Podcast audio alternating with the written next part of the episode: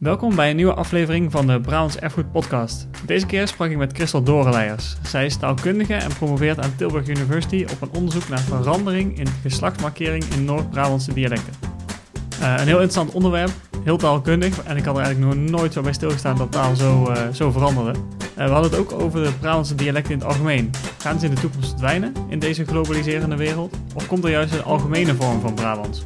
Een kleine blik naar de toekomst dus ook. Nog een kleine noot vooraf. Door de huidige situatie hebben we dit gesprek via videobellen op moeten nemen. Uh, en af en toe waren er wat internetspoken die voor vreemde geluiden zorgen. Uh, hopelijk kun je daar doorheen luisteren. Christel, leuk dat je even tijd maakt. Via beeldbellen dit keer. In oktober van het vorig jaar ben je begonnen met je promotieonderzoek aan Tilburg University en het Meertens Instituut. Ja. En je onderzoekt verandering in geslachtsmarkering in Noord-Brabantse dialecten. En dat vond ik best wel een ingewikkelde zin. Kun je kort uitleggen wat dat precies inhoudt? Um, nou, in het Nederlands ken je eigenlijk twee soorten woordgeslacht. Je kent de de-woorden voor mannelijk en vrouwelijk mm-hmm. geslacht. En je kent de het-woorden voor onzijdig geslacht. Um, er is dus geen drie onderscheid tussen mannelijk, vrouwelijk en onzijdig. Maar in de Brabantse dialecten zie je dat drie onderscheid wel. Dus mannelijke, vrouwelijke en onzijdige woorden krijgen aparte markeringen. Zodat je dus mm-hmm. kunt zien wat het geslacht is van een woord. En omdat de natuurlijke verschijnselen totaal verandert, verwacht je dus ook dat daar ook inmiddels verandering optreedt, omdat dat in het Nederlands al is gebeurd. Dus daar heb je alleen nog maar het verschil tussen mhm. mannelijk en vrouwelijk aan de ene kant en onzijdig aan de andere kant. Dus wat ik in mijn onderzoek wil bestuderen, is of je in het Brabants diezelfde verschuiving gaat zien. Dus wat voor variaties zie je daar allemaal? Of is dat systeem nog zo stabiel als het ooit was? Mhm. Dus in het Nederlands is er al een soort van verandering opgetreden, die je in het Brabants dialect niet ziet. Of in de Brabantse dialecten. Klopt. Dus in het, uh, in het Brabants is het systeem nog rijker dan in het Nederlands. In het Nederlands is er minder variatie. En heb je daar een voorbeeld bij? Waar je aan kunt denken als voorbeeld is, uh, nou neem het mannelijke zelfstandig naamwoord hond. In het Nederlands zeg je de hond of een hond. Mm -hmm. uh, in het Brabants heb je het niet over een hond, maar over een hond. En mm -hmm. over de hond, maar over dun hond. Dus wat je daar ziet, is dat je daar een, een eetje, een zwaar noem je dat, een u-klank en een n-klank vanwege de h die aan het begin staat van het woord hond. Die plak je daaraan vast en zo kun je laten zien dat hond een mannelijk woord is. En in het Nederlands zie je dat dus niet. Dus je hebt daar wel de hond en een hond, maar daaraan kun je niet afleiden of het mannelijk of vrouwelijk is. Nee, dat kan nog allebei zijn. En als je dat zou weten van het Brabants, dan moet ik eerlijk zeggen, ik had echt geen idee, uh, zou je dat dus wel kunnen zien? Ja, dat zou je kunnen zien. De vraag is in hoeverre sprekers van het Brabants zich daar ook echt van bewust zijn. Ehm, dus ik denk als je gaat vragen aan sprekers van het Brabants, weet je wat het geslacht is van dit woord, dat ze dat misschien -hmm. in, uh, in 9 van de 10 van de gevallen niet weten. Dat is ook iets wat ik heb onderzocht. En wat je dan ziet is als je een woord uh, hebt als koe, ook een dier, dat dan -hmm. een deel van de participanten toch verwijst met hij. Dus een koe hij staat in de wij in plaats van zij. Terwijl dat zeg maar niet samenhangt met het geslacht dat zij toepassen in die markering. Dus een spreker kan ja. op de hoogte zijn van het woordgeslacht, maar alsnog een, een koe zeggen. Een spreker kan mm -hmm. ook niet op de hoogte zijn van het woordgeslacht en, en een koe zeggen. Ja, precies. Terwijl de, zeg maar, tussen steeds correcte ver versie is een koe en niet een een. Want dat is dan de mannelijke variant. Uh, en dan is de vraag, dus de vraag die ik ook in mijn onderzoek wil beantwoorden. Hoe komt dat nu dat mensen dit doen? Zijn ze zich daar bewust van? Zetten ze dat kenmerk bewust in om bijvoorbeeld te laten zien dat ze Brabander zijn, dat ze Brabants mm -hmm. kunnen spreken, dat ze Brabants willen klinken? Of is dat iets wat per ongeluk gebeurt? Dat is een vraag die ook weer samenhangt met identiteit. Het kan natuurlijk zo zijn dat ze, net als ik, ik zou geen idee hebben, dus bij mij zou het waarschijnlijk meer willekeurig zijn dan wat anders. dan een bewuste keuze, maar het kan natuurlijk ook een bewuste keuze zijn. Uh, en dat is dan de veranderingen of de variaties waar je in het Brabants naar op zoek bent. Ja, klopt. Ik ben vooral op zoek naar variaties die ik vind met betrekking tot de mannelijke vorm, dat dat de meest opvallende vorm is in het Brabants. Mm -hmm. Dus de Brabants dialecten maken dus onderscheid tussen mannelijk, vrouwelijk en onzijdig, maar die mannelijke vorm die valt op omdat daar iets, een extra uitgang achter bijvoorbeeld een lidwoord wordt geplakt. Mm -hmm. Dat zie je bijvoorbeeld bij een en hond. En ik ben dus op zoek naar dit soort patronen, ook bij andere, in andere contexten, dus bij onzijdige woorden en bij vrouwelijke woorden om te kijken wat zijn nu de patronen in die variatie. En nou, de paradox in het verhaal is eigenlijk dat je, nou, in het algemeen hoor je gewoon dat er tendensen zijn van dialectverlies. Dus mensen en dialectliefhebbers die maken zich zorgen dat die dialecten aan het verdwijnen zijn. Dat het steeds meer over mm -hmm. standaard Nederlands, door contact met de standaardtaal, door contact met andere taalvariëteiten, met het Engels, noem maar op. En zodoende komt eigenlijk de gedachte tot stand. Nou, die dialecten die zijn, die hebben niet zo heel erg lang meer. Die gaan waarschijnlijk wel uitsterven. Over 100 jaar spreken die helemaal niet meer. En de vraag is dan, klopt dat?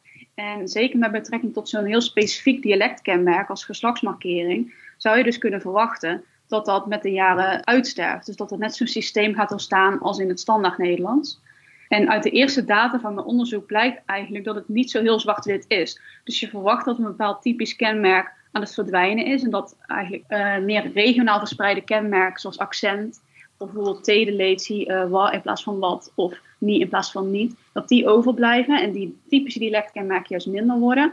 Maar wat ik zie in mijn data is dat het niet zozeer is dat die helemaal verdwijnen, maar dat ze juist ook worden overgeneraliseerd. Dus dat wil zeggen dat ze ook worden toegepast in contexten waar je ze niet zou verwachten, volgens de traditionele dialectregels. Bijvoorbeeld bij een vrouwelijk woord, een koe, of bij een onzijdig woord, een koekske. En de vraag is dan, wat voor patronen liggen daar, kun je daarin ontdekken? Um, wat zijn de redenen daarvoor? Zijn daar grammaticale oorzaken voor dat dat gebeurt? Of zijn dat meer uh, sociale oorzaken? Dus mm -hmm. maken met identiteitsvorming. Dus eigenlijk worden die, uh, die kenmerken, of die, die, laten we zeggen, typisch Brabantse taalelementen, of die zijn eigenlijk voor een specifieke situatie, maar die worden volgens de data die jij nu hebt gezien eigenlijk veel algemener gebruikt. Klopt. Over wat voor data hebben we het dan uh, waar, je, waar je onderzoek op baseert eigenlijk? Er zijn op zich superveel uh, mogelijkheden om data te verzamelen op dit gebied. Aan de ene kant heb je natuurlijk het onderscheid tussen schriftelijke data en gesproken data. Die tweede categorie, dus gesproken data, zijn eigenlijk interessanter, omdat dat eigenlijk de enige vorm is van natuurlijk taalgebruik. Dus schriftelijke data, daar kunnen mensen ook echt over nadenken. En dan komt er ook een andere component bij kijken, namelijk hoe schrijf je iets op. Maar toen ik startte met dit onderzoek, baseerde ik me wel nog op uh, schriftelijke vragenlijsten, namelijk die van vraag en antwoord. Die heb ik toen ook gekregen via Erfgoed Brabant. En dat zijn digitale vragenlijsten waarbij sprekers uit verschillende leeftijdscategorieën zinnen moesten vertalen van het standaard Nederlands naar het Brabants dialect. Het tweede type data waar ik gebruik van heb gemaakt is data van sociale media. Dus in vlogs, gesproken taalgebruik. Oh, vet. En in Instagram posts. Uh, daar zijn zogenaamde tegeltjes waar spreuken staan in Brabants dialect. Uh, en daar zie je ook heel veel vormen van Brabants taalgebruik en dus ook van geslachtsmarkering en overgeneralisaties daarvan, de zogenaamde hyperdialectvormen. En een derde interessant type data zijn dus die gesproken data. En voor mijn scriptieonderzoek in 2017 heb ik die al wat verzameld. En dan echt onder de jongere dialectsprekers of regiolectsprekers. Dus sprekers die wel affiniteit hebben met het Brabants of met de regio. Niet noodzakelijk van huis uit echt dialect spreken. Echt een rijke, rijke variatie aan bronnen ook. Moet ik die uh, veranderingen die je dan ziet, moet je die zien als taalfouten? Of het interessante aan deze casus is dat er best wel veel mensen zijn die, die het erom geven. Dus je hebt dialectsprekers, dialectliefhebbers, die waarden mm -hmm. aan dat traditionele dialect, dat lokale dialect. En die het ook echt nog volop gebruiken en het liefst door willen geven aan de nieuwe generaties. En zij vinden het heel erg jammer als dat dialect aan het verdwijnen is. Of als bepaalde dialectkenmerken die zij mooi vinden of die heel erg waardevol zijn voor hun culturele identiteit, als die ja, aan het verdwijnen zijn. En in de ogen van die dialectsprekers, die echte traditionele dialectsprekers, worden die innovaties, dus die veranderingen, die variaties, gezien als fouten. Maar als taalkundige is het een moeilijke term, daar moet je mee oppassen. Want je wil eigenlijk je wilt het alleen beschrijven. Dus je wilt kijken wat zie ik nu gebeuren in dit taal en hoe kan ik dat verklaren. Maar je wil er geen label op plakken. Dus je wil niet zeggen, nou, zo'n variatie die we hier zien, dat is echt een fout. Nee, je weet dat taal een natuurlijk veranderingsproces ondergaat. En je bent eigenlijk benieuwd van, goh, hoe zit dat proces dan in elkaar? En een doel als onderzoeker kan dan ook zijn om mensen gerust te stellen van goh, dit is iets van alle tijden wat we zien. Mm-hmm. Het kan juist ook positief zijn als we zien dat een bepaald kenmerk ook in andere contexten opduikt. Omdat je dan wel ziet dat die, die taal is in beweging. En het zou denk ik problematischer zijn als je kijkt naar het voorbestaan van dialecten. Als je zou zien, bijvoorbeeld de jongere generatie doet helemaal niks meer met dialect. Ik denk dat je dan een beter scenario kunt hebben waarbij ze wel nog dialect spreken, maar een andere vorm dan de oudere generatie. Mm-hmm. Dat zij dan wel nog een bepaalde vorm van dialect doorgeven, alleen een vernieuwde variant. Ja, dus is eigenlijk, uh, als ik je goed begrijp, meer een soort van doorontwikkeling van het dialect zoals dat misschien wel altijd is gebeurd. Alleen weten we dat dan waarschijnlijk niet van, van dieper in de geschiedenis. Dan echt iets wat, wat betekent dat het dialect uit gaat sterven. Kijk, aan de ene kant klopt het dat taalverandering van alle tijden is. Dus het is ook niet zo diep te verwachten dat, dat het ineens stopt. Het is juist goed dat dat mm-hmm. natuurlijk gaat. Maar aan de andere kant is het natuurlijk wel zo dat de laatste jaren er behoorlijk wat veranderingen zijn gekomen, maatschappelijk gezien. Dus mensen zijn steeds mobieler geworden. Er zijn steeds meer digitale mogelijkheden gekomen. Dus communicatie ook bijvoorbeeld via het internet, via sociale media is steeds eenvoudiger. Mhm. Dus je komt ook makkelijker in contact met sprekers van andere talen, van andere dialecten. En dat doet wel iets met talen. Dat versnelt zo'n proces wel. En de veranderingen en de variatie die je nu in je data gezien hebt en die, die optreedt in het Brabants, is dat iets wat heel erg uniek is voor Brabantse dialecten? Of vind je dat ook in het Nederlands of in andere dialecten in Nederland? Taalverandering of dialectverandering is zeker niet iets dat specifiek is voor de provincie Brabant. Dat is eigenlijk iets wat we in dialecten over de hele wereld zien. Uh, zeker ook in Nederland. Wat je eigenlijk vooral kunt opmerken is dat die echte lokale dialecten, dat die minder worden en dat die plaatsmaken voor een meer regionaal georiënteerde variëteit. Dat noemen we ook wel regiolect. Dat is dus een, ook een dialectvorm, maar dan met minder echte typische dialectkenmerken en meer bijvoorbeeld weglaten van de T, niet in plaats van niet, uh, in mhm. plaats van wat. En natuurlijk accent, tongval. Die processen van uh, dialectnivellering noemen we dat ook, dat zien we op veel meer plekken. En dus eigenlijk dat het de dorpse taal, het dorpse dialect naar het dialect van de regio of van een, de, de gemeente, bij wijze van spreken, gaat. Ja, klopt. En dat hangt natuurlijk ook samen met de maatschappij waar we nu in leven. Mm die, echt die lokale dialecten, dat waren ook best wel besloten uh, gemeenschappen. Dus mensen kwamen minder vaak echt het dorp uit. En die hadden ook een sociale contacten binnen dat dorp. Tegenwoordig zie je mm toch dat, dat die mobiliteit toeneemt. En ook via het internet dat mensen steeds makkelijk met elkaar in contact komen. En dat dat ook aan bijdraagt dat dat hele echte lokale gebonden, dat dat meer, ja, dat, dat, dat meer globaliserender wordt, zeg maar. Nou, eerder noem je de vraag van, ja, spreek over fouten. Dus die variatie, dit mm taalfouten, of is dat echt puur taalverandering? ik zal natuurlijk altijd zeggen, het is taalverandering. Maar ik kan daar ook wel met een neutraal perspectief naar kijken, denk ik, omdat ik niet zelf een hele fanatieke dialectspreker ben. Maar tegelijkertijd vind ik het ook wel hartstikke leuk om te zien dat er zoveel mensen wel heel erg actief mee bezig zijn en zich echt voor inzetten om dat dialect levend te houden, om het te documenteren, om mensen te faciliteren die zich mee mm bezighouden. Wat ik me nog afvroeg, we hebben, je hebt al een beetje uh, verteld ook wat die variatie veroorzaakt. Dat het misschien te maken heeft met dat mensen zich juist heel erg Brabants willen laten zien. Of dat de variatie die in talen en die in dialecten ligt ook voor een heel groot deel komt omdat nou eenmaal we meer met mensen praten die net even iets anders praten dan wij. Is die variatie ook afhankelijk van de context waarin iemand zich bevindt? Uh, dus bijvoorbeeld met alleen andere dialectsprekers of juist niet? Ja, dat denk ik wel. Ik denk dat het dialectgebruik is op een bepaalde manier domeingebonden. Mm Oudsher is dialect natuurlijk vooral een gesproken taal die, uh, uh, en informeel ook. Dus als je meer in contexten komt waar standaard Nederlandse norm is, dan is het onwaarschijnlijk dat je daar fanatiek dialect gaat gebruiken. Dus je pas je inderdaad aan aan de situatie, aan het onderwerp, bijvoorbeeld aan gesprekspartner. En wat in die zin heel erg interessant is, is nou goed, de algemene gedachte, dus dialecten verliezen terrein. Er komen steeds minder domeinen waarin dialectengebruik de norm is. Steeds meer mensen hebben het gevoel ook dat ze vanwege prestige, dus dat standaardtaal meer aanzien, dat ze ook moeten overschakelen mhm. op die standaardtaal om voor vol worden aangezien. En wat je ziet bijvoorbeeld binnen een nieuwe context van sociale media, het internet, is dat daar eigenlijk een nieuw genre ontstaat waarin dialectgebruik wel weer aantrekkelijk is. Omdat op social media wil je juist iets van jezelf laten zien. Het hangt heel erg samen met het construeren van een sociale identiteit. Ehm, dus je wil van jezelf laten zien, nou, aan de hand van het taalgebruik dat, dat ik kies, dat is ook heel erg informeel is. Je kunt ook spelen met, met spellingvariaties. Kun je laten zien waar je vandaan komt, wie je bent en uh, dat je bijvoorbeeld ook verbonden voelt met de regio.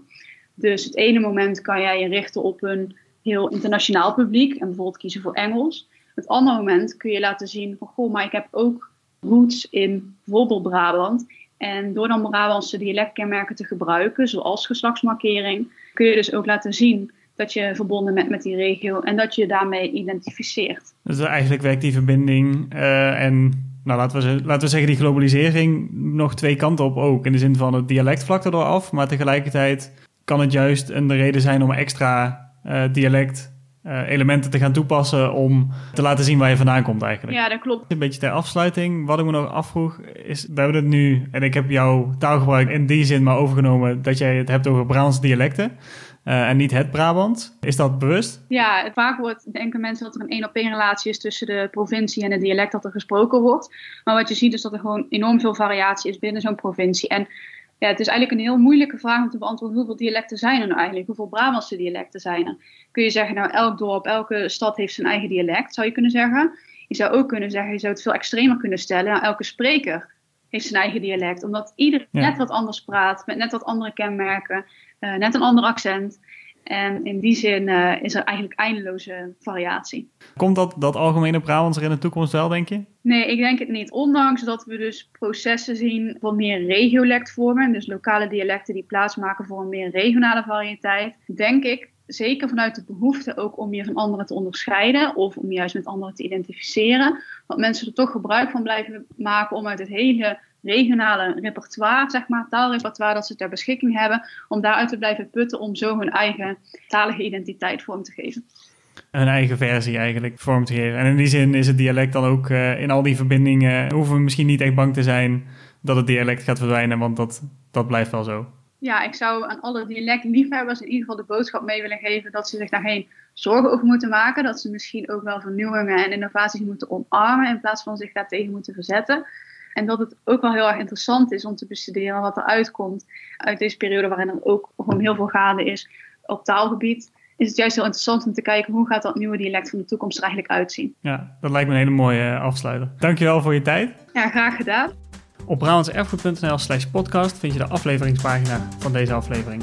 Op die plek vind je ook het artikel wat Christel in het najaar voor ons schreef en alle andere afleveringen van de Brabants Erfgoed podcast. En op brabantserfgoed.nl is vandaag onze themamaand voor de maand mei begonnen. Je leest er nu van alles over de Romeinen in het huidige Noord-Brabant.